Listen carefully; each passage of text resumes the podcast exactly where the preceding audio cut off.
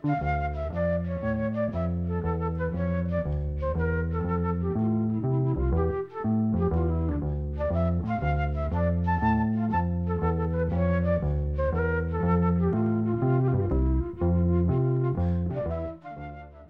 sæl.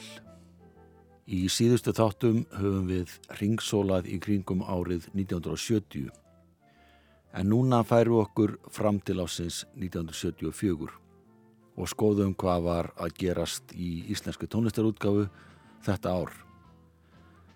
Þetta var árið þegar Íslendingar held upp á 1100 ára búsettu í landinu og í upphafi ásins hófst starfsemi HB Studio sem var eitt fyrsta fjölrasa hljóðverið sem tók því starfa á Íslandi. Nafn þessa hljóðvers var dreyið af upphafstöfum stopnandans Hjartar Blöndal sem ætlaði sér stóra hluti á þessu sviði. Fram til þessara stundar var engungu hægt að taka upp í móno eða stereo á Íslandi þar að segja á eina eða tvær rásir. Hjörtur ætlaði umbylta þessu og bauð upp á hljóðrutun á tvö fjölrósa teak segubanstæki og meðal þeirra sem skelltu sér í hljóðverið til hjartar á fyrstu vikunum var Hallgrimur Björgólfsson, betu þektur sem Halli Rótari.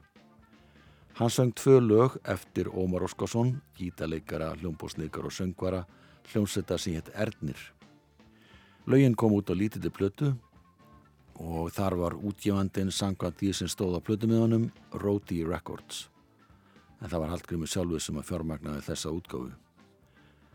Hallgrimur hafði fengið talsverða kvartningu eftir að meðlimi bresku hljónsættarinnar Writing on the Wall sem spilaði vísuar á landinu sumari 1973 rósuðu honum í bladavítali. Hallgrimur hafði hjálpað þeim þegar þeir voru að spila á vestjörðum og tók lægi með þeim á æfingu og þar heitlaðan þessa bresku kappa sem leti til þess að þeir sögði í bladavitali að besti söngvar í Íslands væri rótarinn Hallgrímur Björgulsson. Þetta kom mörgum óvart, sérstaklega þeim sem vissu ekkir hver Halli rótari var. Ómar Valdimarsson þekkti til hans, hann var mjög jákvæður þegar hann fjallaði um blötana í Alþjóðblæðinu í júli 1974 en Ómar sagði meðal annars í skrifum sínum að Hallgrími væri stór skemmtilegu söngvari með svita músíkrödd sem var algjörlega nýtt hugtak á þessum tíma og ég minnist þess ekki að það hefur notað mikið eftir það. Halli Rótari, singulagið I Need a Woman. I need a woman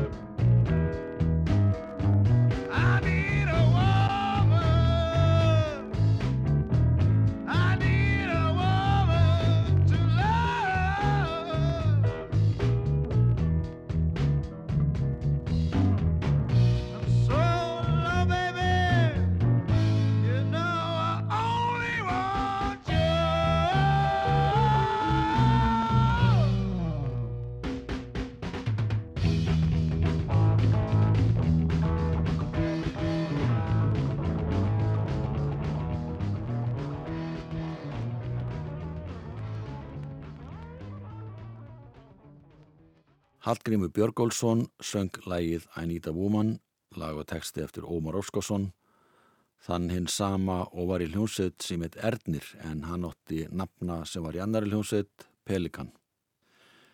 Hallgrímur hafði verið rótari hjá Örnum en hann hafði líka unni með hljómsveitum eins og Rifsberja og Steinblómi og var rótari hjá Haugum þegar platan var gefin út. Hallgrímur ætlaði uppalega að syngja tvö frumsami lög en fannst þau ekki nú góð. Þannig að hann rætti máli við Ómar Óskarsson sem saðist kannski eiga eitt lag sem hann geti hendað Halla. Og þetta voru tónleikum Chains sem hann voru Keflavík. Þannig kom það sem sagt til að Halli söng lægið I Need a Woman eftir Ómar. Svo vantaði lag á baklið plötunar.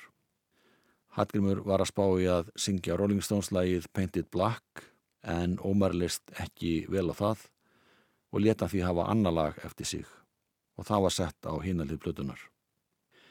Hallgrimur átti marga vini í bransanum sem að bröðust vel við þegar hann baða um að spila inn á plötuna fyrir sig. Þórður Árnarsson og Rífsberga spila á gítar, Gunnar Hermarsson spila á bassa, Rólfi Gunnarsson sem hafi verið í Jútasi, leika á trömmur og Björgvin Gíslason og Pelikan spila á synthesizer. Og það var tæki sem var í eigu HB stúdiósins. Hallgrimur saði frá því þegar platan kom út að hann ætlaði ekki að gera fleiri blötur og væri ekki á leiðinni sem söngvar í einhverju hljómsett, hann væri á leiðinni til bandaríkjana. Ekki til að sena tónlist, heldur einhverju allt öðru. Og Hallgrimur Björgólfsson starfaði um árabil við tölvugeran og sikvað fleira í bandaríkjunum. En svona hljómar setna lagið á smáskífunni með Halla Rótara, Dr. Blues.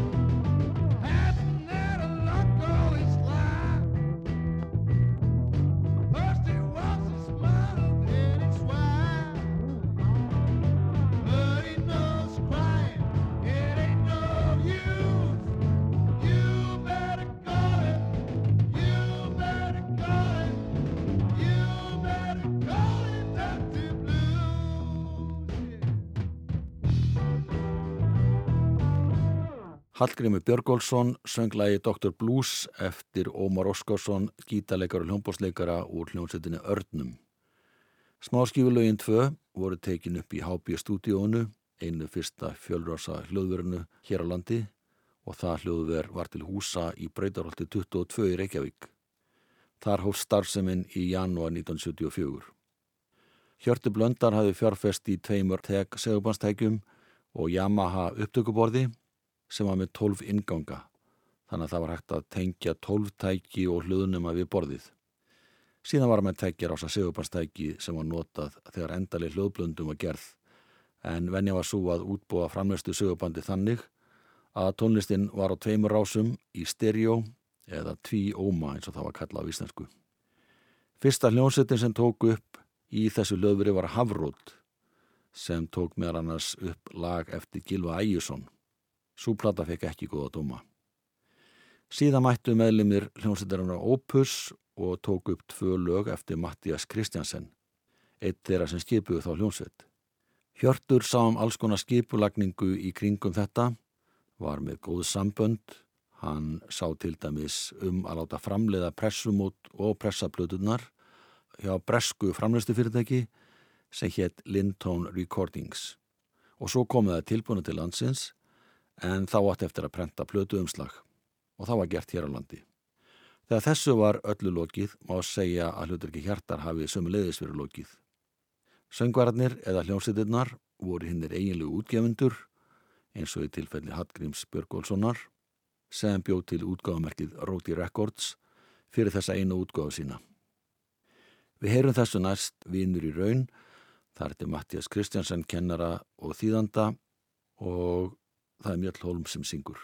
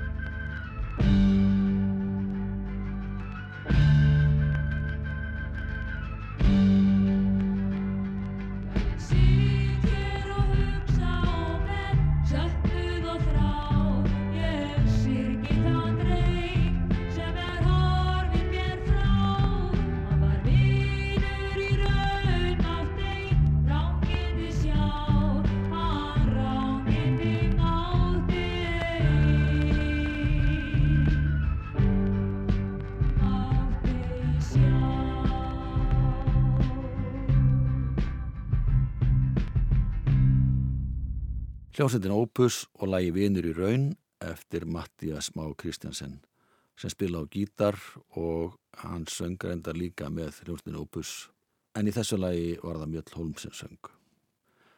Hljóruðinu var gerð í HB stúdíun eins og framöfu komið sem kom ekki alveg óvart því að Hjörtur Blöndar hann hafi verið bassaleikari í Opus og sá sem tók við á honum var Ingibergur Gunnlaugsson. Hann hætti í hljónstinni síðla ás 1973 þegar hann ákvaði að setja hljóðverð á laginnar. Sævar Árnason sem hafi meðal annars verið í Pops var sologítalegari, Gunnar Gunnarsson leik á trommur, sönguna var Mjöll Holm og Mattias Kristjansen spilaði á ritmagítar. Lægið sem við vorum að hlýða á var á baklið smáskífunar en á fyrirlið blötunar var lag sem heitir Að finna sjálfan sig eftir Mattias Kristjansen eins og lagi sem við heyrðum hér á undan.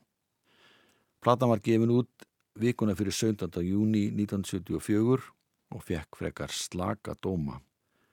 Plötudómarar sem fjöldluðum plötuna töldu að laugin væri ekki på marga fiska en rósuðu tekstunum. Þeir væri betri en fólk átti að vennjast þegar poptónlist var annars vegar. Annars fór aðalpúðrið í það að kvarta yfir því hversu slæmur hljómur var á plötunni. Svo var því veldu upp hvort að mætti skrifa þann hluta að nokkru á upptökumannin og hljóðverið en líka á tónlistafólkið sem hafði ekki mikla reynslu að því að vinna í hljóðveri. Svo var því nýtt aftan með þessi skrifa að það hefði nú komið ágættis upptökur úr hábjústúdíónu en að allir vissu að það var ekki nógu fullkomið. Þráttir það þótti ástæði til að hvetja Hjört Blöndal til að gefast ekki upp því honum hefði tekist að fjölga íslenskum útjefnum popplötum til mikill að muna. Hljómsveitin Bendix úr Hafnafyrði var einn þeirra sem að nýttu sér þetta nýja hljóðverð og tóku upp tvö lög sem kom út á tækjalega plötu. Anna þeirra heitir One Man Story og er eftir gítalegaran Gunnar Ársælsson en textin er eftir söngvaran Ágúst Ragnarsson.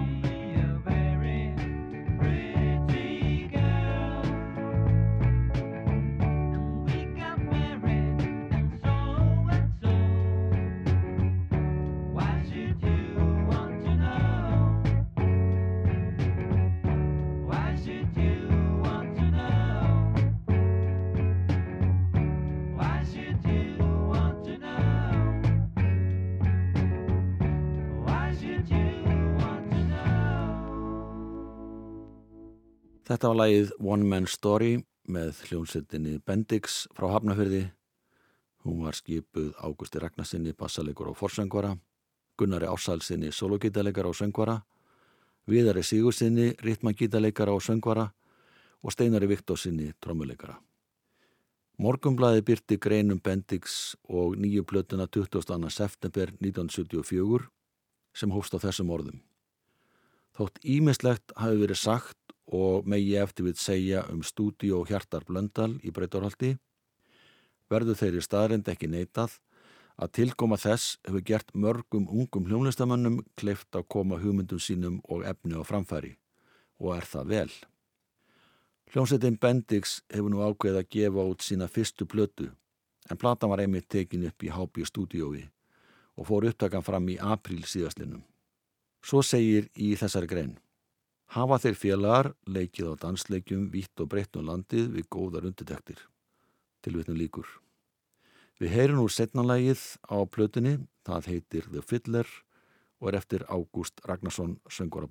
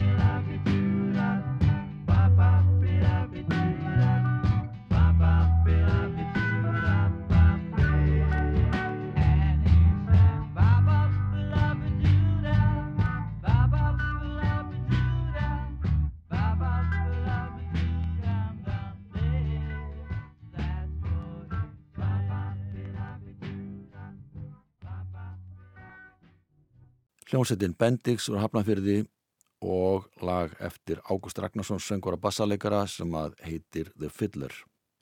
Fjórmenningarnir sem skipuði Bendix fór inn í HB Studio í april 1974 en síðan liði nokkri mánuðir að hann að tækja laga platta var gefin út.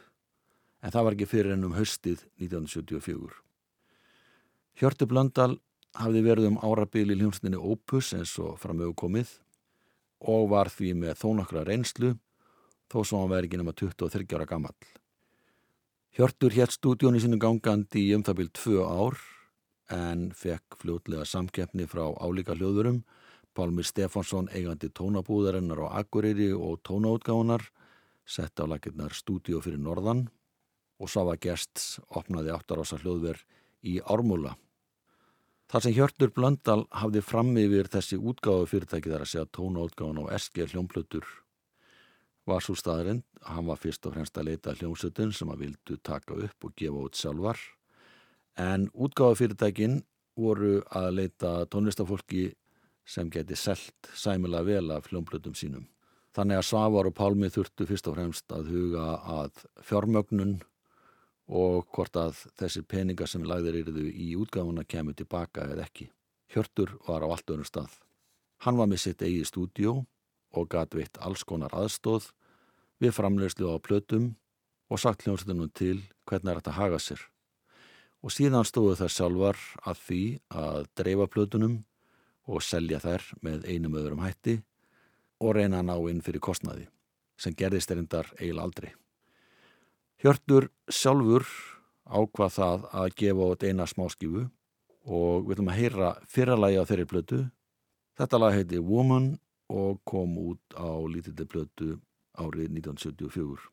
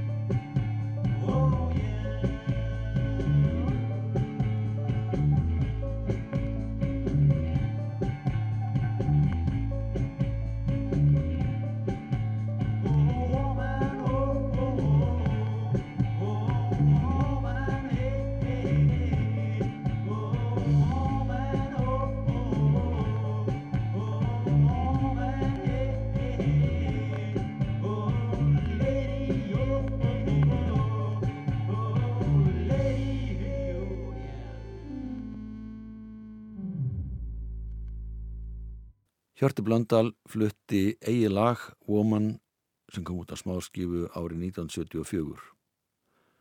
Hjörtu var vanur því að spila og syngja sjálfur, hafði verið í hljómsveitum frá unglingsárum, til dæmis í Mods, síðan í Opus 4 og enduristi síðan hljómsveitina Opus, rétt á hann að stopnaði hljóðverið.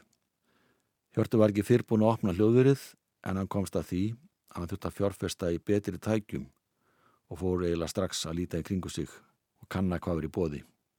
Mikið að fjallað um þetta nýja stúdíu og mikla voni bundna við það og þegar þessi plata með hirti var gefin út skrifaði Haugur Ingebergsson í Plötudómi sem byrtist í morgunblæðinu eftirfarandi. Þetta er fyrsta plata nýra hljómblötu útgáfu tekin upp í nýju stúdíui sem tók til starfa í vor í Reykjavík. Þetta er lít afgerandi plata og er byrjanda bragurinn á hljóðrutinunni auðherður. Þá eru laugin brend marki meðamennskunar en í flutningnum hefur Hjörtu Blöndal greinilega reynd að leggja sér fram og stöku stað bregðu fyrir skemmtilegum tilþrifum. Platamöðun þó verða flestum gleimt innan ás en þegar Hjörtu fæði sér betri hljóðrutinantæki og öðlast meiri æfingu maður búast við að hann geti farið að gera betri plötur en þessa þótt hún sé ekki léleri en margt annað sem áður hefur komið á markað. Svo mörg voru þau orð. Heyrum lægið Sweet Love eftir Hjört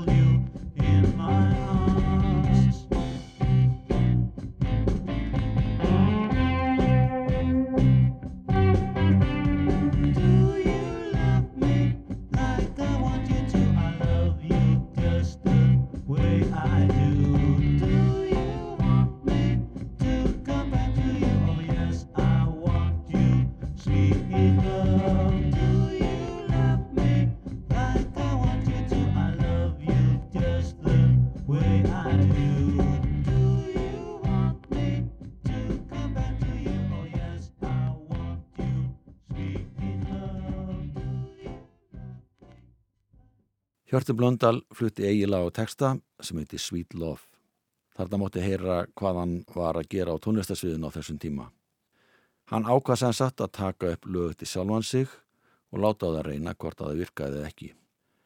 Meðal hljómblenna sem að vann að á meðan HB stúdíu var starrakt voru litla blötur með ábót, Böðvar í Guðmundsinni og Lonely Blue Boys og svo stóra blötur með þokkabót og plata þar sem sungi var um Robert Bangsa og ævindiri hans.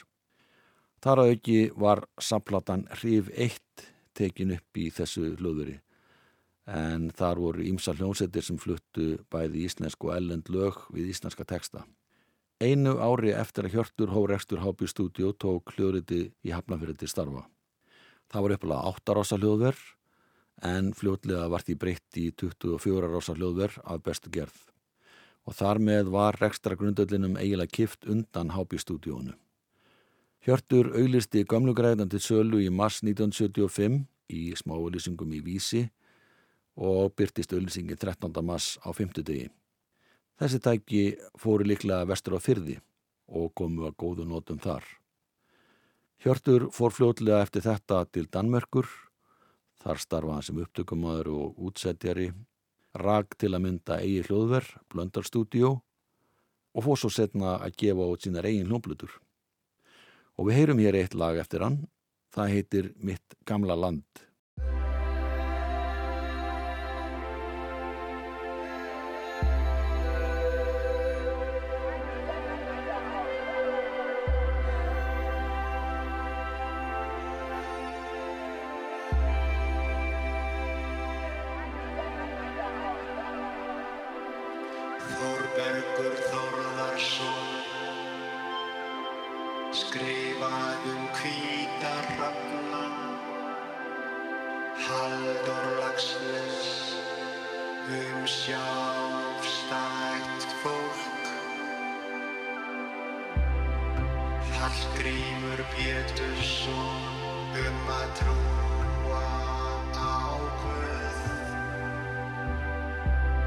Snorri Sturluson um konungan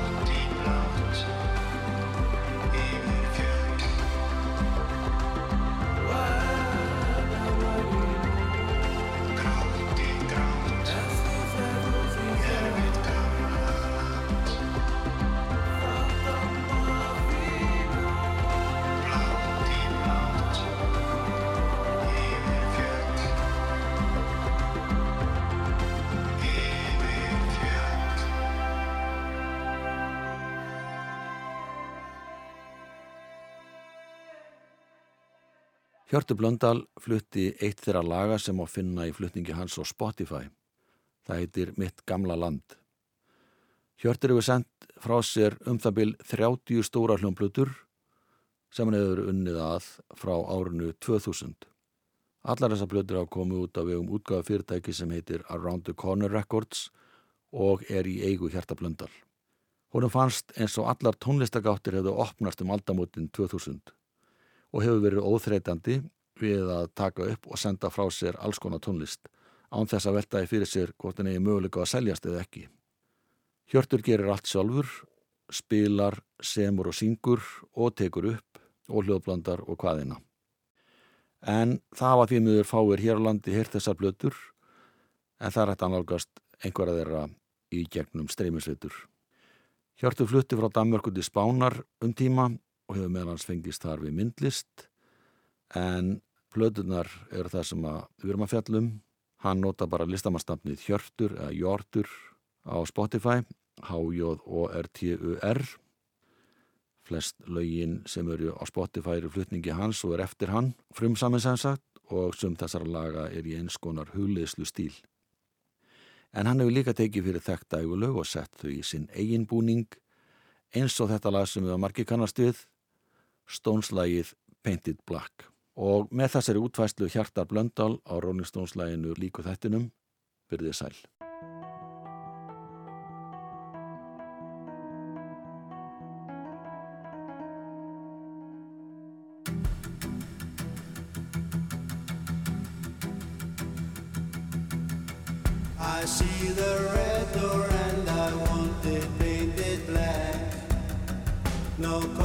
Anymore, I want them to turn black.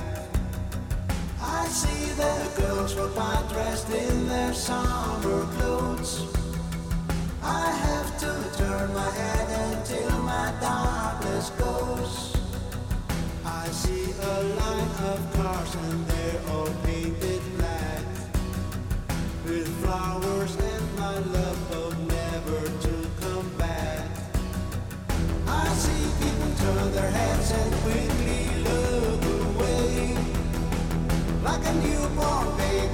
Yes.